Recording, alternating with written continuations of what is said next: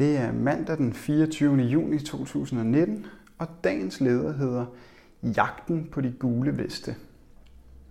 Gennem måneder har den franske stat forsøgt at slå ned på bevægelsen De Gule Veste. Tårgas, knibler og gummikugler er de mest benyttede metoder i landet, der gav os frihed, lighed og broderskab ved den franske revolution. Myndighederne er gået frem med en hårdhændethed, der ville være beskrevet som brutal undertrykkelse, hvis den var foregået i for eksempel Venezuela. 2.000 er blevet såret af politiet, heraf 500 med hovedskader. 23 har mistet et øje, og der er anholdt det største antal mennesker siden besættelsen.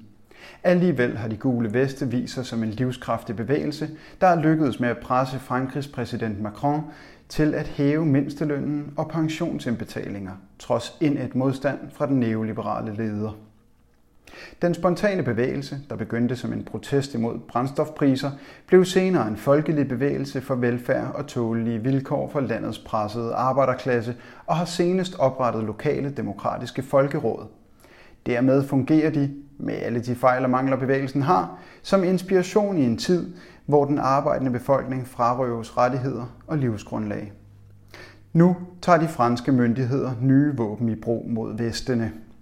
Folk, der har doneret penge til de gule veste igennem støtte til en tiltalt demonstrant, bliver nu indkaldt og afhørt. De skal redegøre for deres motiv for at støtte.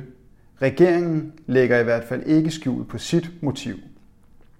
Det ville være godt at vide, hvem der donerede. De er nemlig på en måde medskyldige i de meget alvorlige handlinger, forklarer en minister. Indtil videre er der tale om 50 mennesker, men op mod 9.000 sympatisører kan blive ramt. Den gradvise kriminalisering af en folkelig bevægelse, der stiller spørgsmålstegn ved den herskende orden, vidner om et system, der er på spanden. På samme måde som de talrige terrorlov har været det. Præsident Macron er på linje med andre regeringsledere ramt af enorm mistillid og frygter en arbejderklasse, der ikke længere vil finde sig i at betale prisen for krise og grådighed.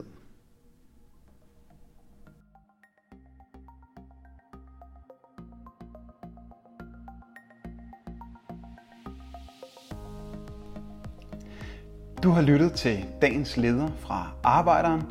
Abonner på vores podcast på iTunes, eller hvor du ellers hører dine podcasts. Du kan også klikke ind forbi arbejderen.dk for meget mere journalistisk indhold. Du er også velkommen til at følge Arbejderen på Facebook, Instagram og Twitter, samt tilmelde dig Arbejderens daglige opdatering på Messenger. Vil du i kontakt med Arbejderens redaktion, kan det ske ved at sende en mail til redaktion arbejderen.dk. Tak fordi du lyttede med.